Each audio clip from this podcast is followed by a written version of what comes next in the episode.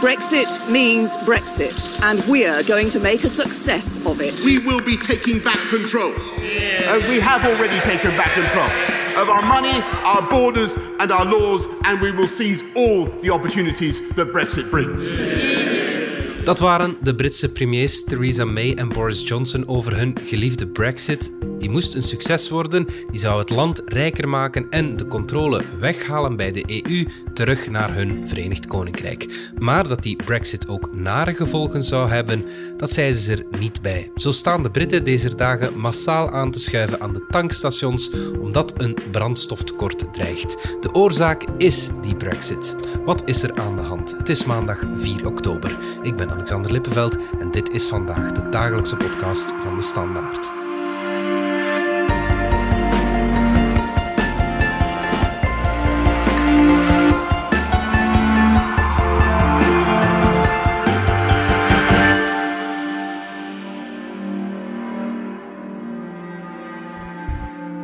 Dominique Minten van onze buitenlandredactie. Jij zit in Belfast, Noord-Ierland. Wat doe je daar? Wel, ik ben in elk geval hier niet aan het kijken naar de lange files aan de tankstations, want die zijn er, die zijn er hier niet. Voor alle duidelijkheid. Dus op dit moment is eh, Noord-Ierland wel gespaard van dat probleem. Blijft gespaard van dat probleem. Het is vooral een probleem van het zuiden van Engeland. Uh, ik ben hier omdat de UK-mission, zoals ze zichzelf noemen, dus een soort van de ambassade bij de Europese Unie, heeft een aantal journalisten uitgenodigd om eens te komen kijken in Noord-Ierland naar de problemen die daar wel nog zijn. Want er zijn dus niet alleen die truckers die er tekort zijn in, in Engeland.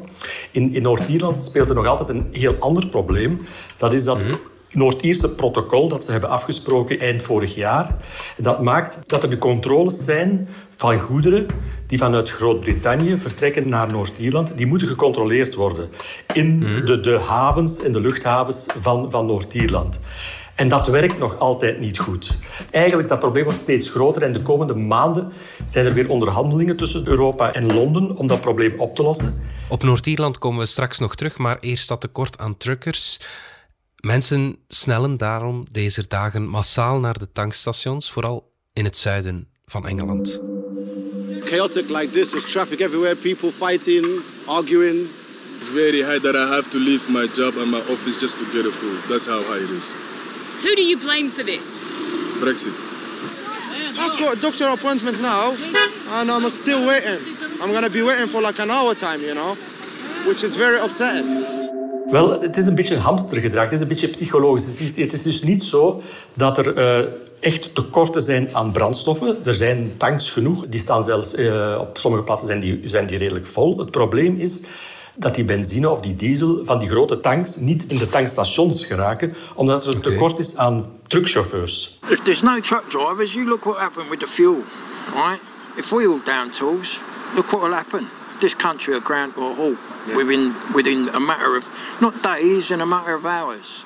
You know, so at the end of the day, look, someone's got to do something to sort it all out, but prices will increase. Nothing ever changes. It won't change. En dat is ook een probleem waarvoor iedereen dus onmiddellijk na de brexit heeft gewaarschuwd. Dat de, dus Groot-Brittannië, het Verenigd Koninkrijk, problemen zou krijgen met zijn personeel. Engeland werd bevoorraad door Europese truckers. En die truckers zijn na de brexit vertrokken. Dus de, toen het Verenigd Koninkrijk nog deel uitmaakte van, van de EU, konden ze makkelijk naar Engeland rijden. Er waren geen obstakels. Ja, ja, ja. Zijn er bijvoorbeeld tankstations die al, al moeten sluiten zijn door die... Ik, weet, ik denk niet dat er echt tankstations leeg zijn. Maar wat je wel ziet, is dat veel tankstations, trouwens hier in Noord-Ierland zijn er ook al gevallen van, dat je nou maar beperkt meer mag tanken. Dus dat je maar, maar voor 30 pond mag tanken en dan moet je, moet je verder. Dus je kan niet meer dan 30 pond tanken. Ja, ja, ja. Dus ik, maar ik denk niet dat dat tankprobleem, dat gaat wel opgelost geraken. Dus na dat, de, eerste week van hamstergedrag, dat zal wel, zich wel oplossen. Maar het, mhm. het gaat verder gaan, het gaat blijven duren. Hè. Die bevoorrading van, van Groot-Brittannië gaat problemen blijven geven. Nu zijn er tankproblemen. Maar er gaan andere problemen blijven duren. Wat zijn zoal de sectoren waar je die problemen voelt? Als je door Engeland rijdt en je gaat in hotels bijvoorbeeld, maar ook uh, als je met, met, met, landbouwers spreekt, die hangen heel erg af van buitenlands personeel. Uh, in the last five years, 75% of our labor force is based from East European countries.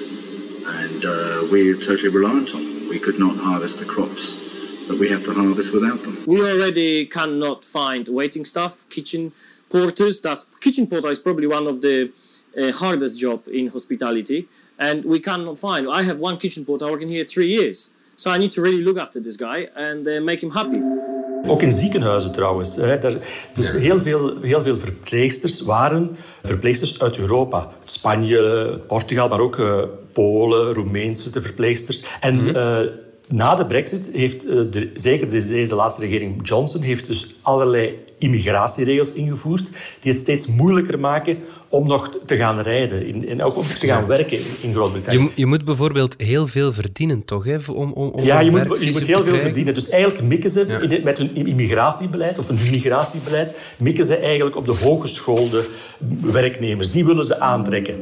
What we want to see is a, an emphasis on high wage a high skill, a high productivity approach to our economy. What I don't think people in this country want to do is fix all our problems uh, with uncontrolled immigration again. In the end, people could see that it was leading to a, a low wage, low skill approach without enough investment in people or in, uh, in, in, equipment, in, in, capital. And that's not the, the way we want the UK uh, to develop and grow. Maar uh, Wat ze dus vergeten zijn, is dat ze eigenlijk heel erg afhankelijk zijn van laaggeschoold personeel. Europees personeel, maar ook Indiërs, Pakistanen. Dus die, die mogen eigenlijk niet meer binnen. Hmm. En, en dus nu voelen, beginnen ze daar echt de gevolgen van te voelen. Wat probeert Boris Johnson daaraan te doen? Probeert hij op een manier mensen Britten bijvoorbeeld te stimuleren om die arbeidersjobs uit, meer uit te voeren? Dat, dat doet hij. Die, die verpleegstersopleiding moet worden, worden aangemoedigd. Maar ja, ik, ik, denk, veel Britten hebben dat werk nooit gedaan, willen dat ook niet doen. I do on average 65, 66 hours a week. Who wants to do that? And you're away. So, like, I go home, I've got, I've got, if I'm lucky, I'll get home on a Friday night. And then I've got 48 hours in which to do all I need to do see my family, see my kids, you know, see my grandkids, um, my washing, my shopping, everything else. Got to do all that, and then back out on the road again. So, who wants to do that? Young people won't. They don't want to do that.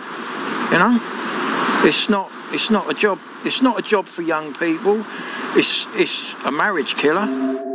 Gaat nu proberen om, uh, om die tijdelijke visa voor buitenlandse werknemers gemakkelijker te maken. En zeker richting kerstperiode. Maar wat, wat je hier hoort is dan, is dan ook dat die, die drukkers die willen niet meer komen. Die hebben werk in eigen land. In Europa is er ook een tekort, is er ook schaarste aan drukkers.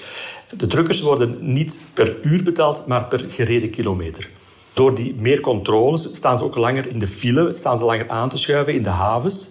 Uh, hun goederen moeten gecontroleerd worden als ze vanuit Europa naar, naar Engeland gaan. Dus ze staan stil. En als ze stilstaan, verdienen ze niks. Dus dat systeem moet ook veranderen. Maar dat is ook nog niet veranderd. Dus ik, ik zie het een beetje somber in eh, voor Boris met zijn plannen om, om, om snel werkpersoneel terug aan te trekken. Wat moet er dan wel gebeuren? Ja, ik, ik weet het niet. Ik, dat durf, ja, ik, ik, een algemene versoepeling, denk ik, van die strenge migratieregels. Hij gaat daar toch op, op een, een of andere manier moeten op terugkomen, denk ik. Maar dat is heel moeilijk. Politiek ligt dat bijzonder uh, moeilijk binnen zijn conservatieve partij. Want nu kom ik terug naar Brexit. De, de slogan van Brexit was... Uh, taking back control. Dat ging dan vooral over het. Hè, dus er waren veel te veel migranten. Er werd geklaagd over er waren veel te veel migranten in Engeland. En we moesten dat beter controleren. Dat was allemaal de schuld van Europa. Door het vrij verkeer van personen voelden de Britten zich overspoeld door Polen en vooral Oost-Europeanen. Dat, dat uh, zorgde voor veel kwaad bloed daar. Maar uh, ja, het medicijn dat ze nu hebben uitgevonden, Brexit, is, is, werkt niet. Maar ik zeg het, het, ligt heel gevoelig om die brexit... Ja, ze kunnen dat ook niet terugdraaien. Ze kunnen ook die, die immigratieregels weer helemaal gaan versoepelen, want dan krijg je weer protest binnen zijn eigen partij. Dus hij zit daar eigenlijk heel erg gevrongen. Ja. Het enige geluk dat hij heeft, is dat uh, hij een grote meerderheid nog altijd heeft in het, in, in het lagerhuis. En dat de verkiezingen nog lang gaan duren. Dus normaal gezien kan hij nog wel enkele jaren doorregeren.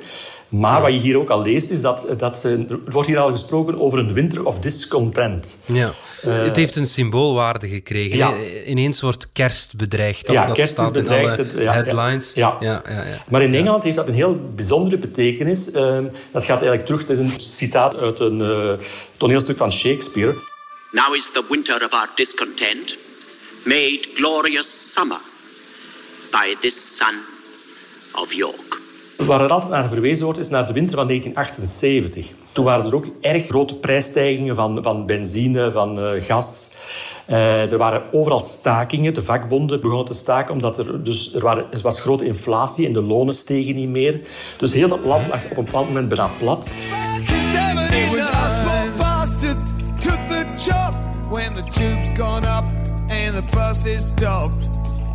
Vuilnis werd niet meer opgehaald. Uh, er zijn beelden van Londen. Uh, lag vol met, met vuil, afval. Uh, er was heel veel onvrede daarover. En dat heeft geleid... Dus het land werd toen geleid door James Callaghan. Dat was een Labour-premier. Zeker ja. erg links. Dus de vakbond hij kreeg dat niet onder controle.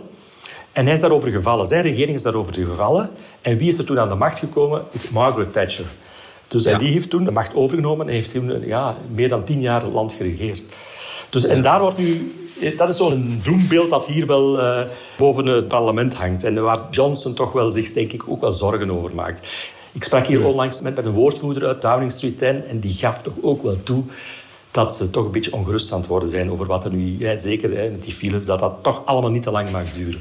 Denk je dat Boris Johnson de komende dagen of weken dan met een strijdplan gaat komen?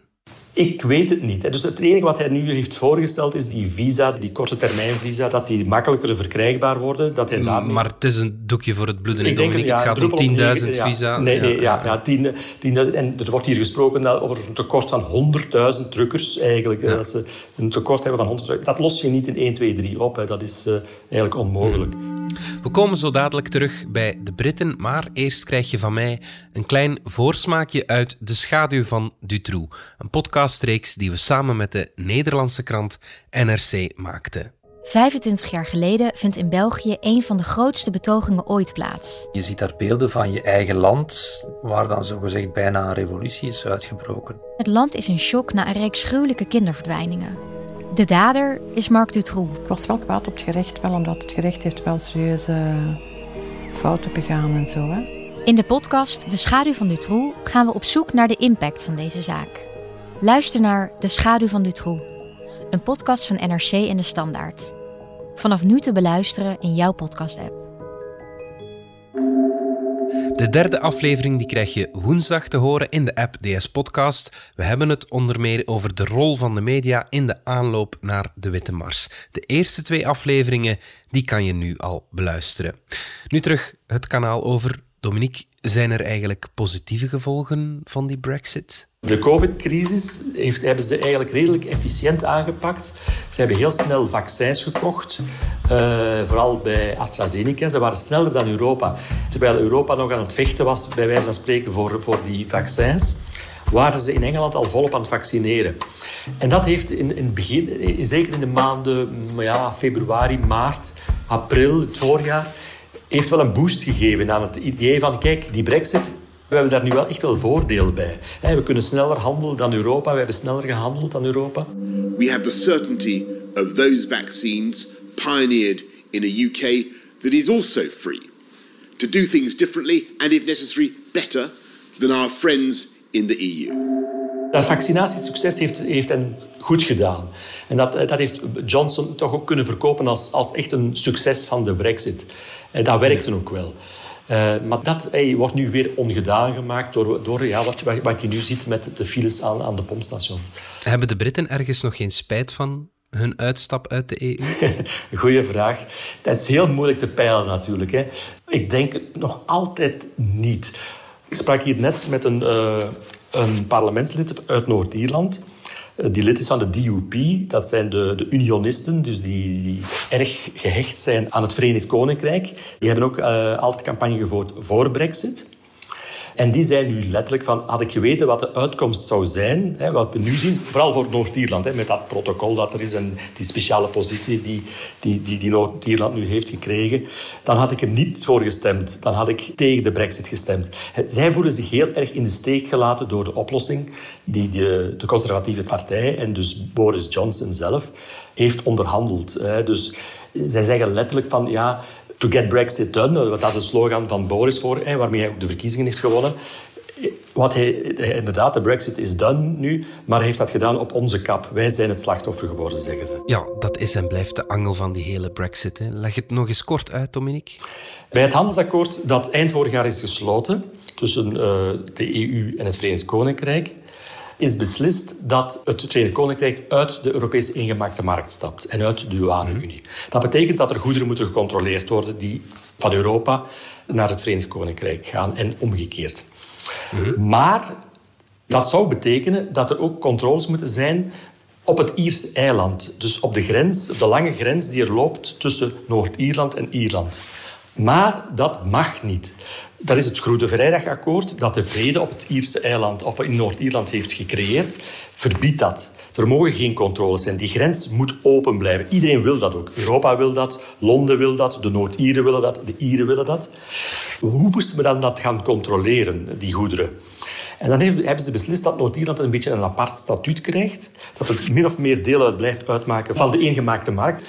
Maar dat de controles van goederen die vanuit Groot-Brittannië komen, die gaan dan gecontroleerd worden in de Ierse Zee. Er loopt dan een grens, eigenlijk de controlegrens loopt in de Ierse Zee. Niet letterlijk in de Ierse Zee, maar in de havens op het Noord-Ierse vasteland. En dat wordt het Noord-Iers, het Ierse protocol genoemd. Maar eigenlijk, nu willen ook de Noord-Ieren, of zeker dan de unionisten, willen van dat protocol af. Die grens zit ook in hun hoofd een beetje. Ze voelen nu dat er een grens komt tussen hun Noord-Ierland en de Unie waar ze bij behoren het, het Verenigd Koninkrijk. En ze denken dat het, de, het gevolg daarvan gaat zijn dat ze op den duur helemaal opgeslokt gaan worden en dat de Ierse eenmaking dichterbij gaat komen. En dat willen ze dan ook weer niet. En daar loopt alles op vast. Dus ja, dat, dat is een, een wonde die gaat blijven etteren. En dat gaat steeds meer politieke spanning creëren in Noord-Ierland. Er komen hier verkiezingen aan. Er was in het voorjaar geweld, opflakkerend geweld. Vooral die unionisten voelen zich in de steek gelaten. Het blijft hier een heel gevoelige plek. Hè. De, dat vredesakkoord dat ze hebben van 19, dat dateert van uh, 1998, dat is eigenlijk redelijk jong. Dat zeggen ze hier ook allemaal. We moeten daarvoor oppassen. Dat, dit, is een, dit is een gebied dat eigenlijk 30 jaar in een soort van oorlogszone was. Er is nu 20, meer dan 20 jaar vrede, maar dat is eigenlijk heel pril, die vrede. En je mag daar niet te veel aan prutsen.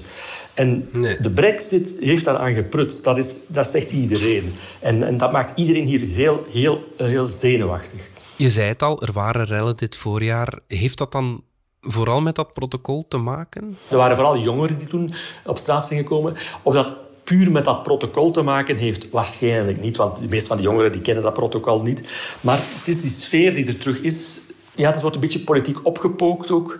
Van, wij, voelen ons, wij, zijn, wij voelen ons in de steek gelaten door uh, Engeland. Zij voelen zich terug. Ja, en, en, en die jongeren hebben al heel weinig. Als je hier naar die wijken in Belfast gaat, uh, waar zij wonen, die sociale achterstandswijken, ja, dat, dat wil je niet wonen. Dat is die, die hebben sowieso een erg moeilijk leven. En, en zij voelen zich nu nog, nog eens opnieuw gestraft door dat akkoord dat, dat er gesloten is tussen Londen en, en, en, en Brussel. Zij worden eigenlijk gebruikt door de politici om dat ongenoegen te uiten. En dat is, het is een gevaarlijke cocktail van sociale achterstand, van politiek gestook, maar ook van bendegeweld en van misdaadkartels die hier toch nog altijd actief zijn. Die willen het allemaal wel gebruiken. Dus, die, die instabiliteit dreigt hier groter te worden. Dominic Minten, dank je wel.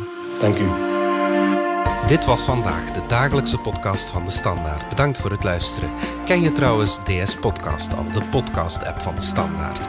Daar luister je niet alleen naar onze journalistieke reeksen, je krijgt ook elke week een eigenhandige selectie van de beste nieuwe podcasts op de markt. Alle credits van de podcast die je net hoorde vind je op standaard.be-podcast. Reageren kan via podcast.standaard.be. Morgen zijn we opnieuw.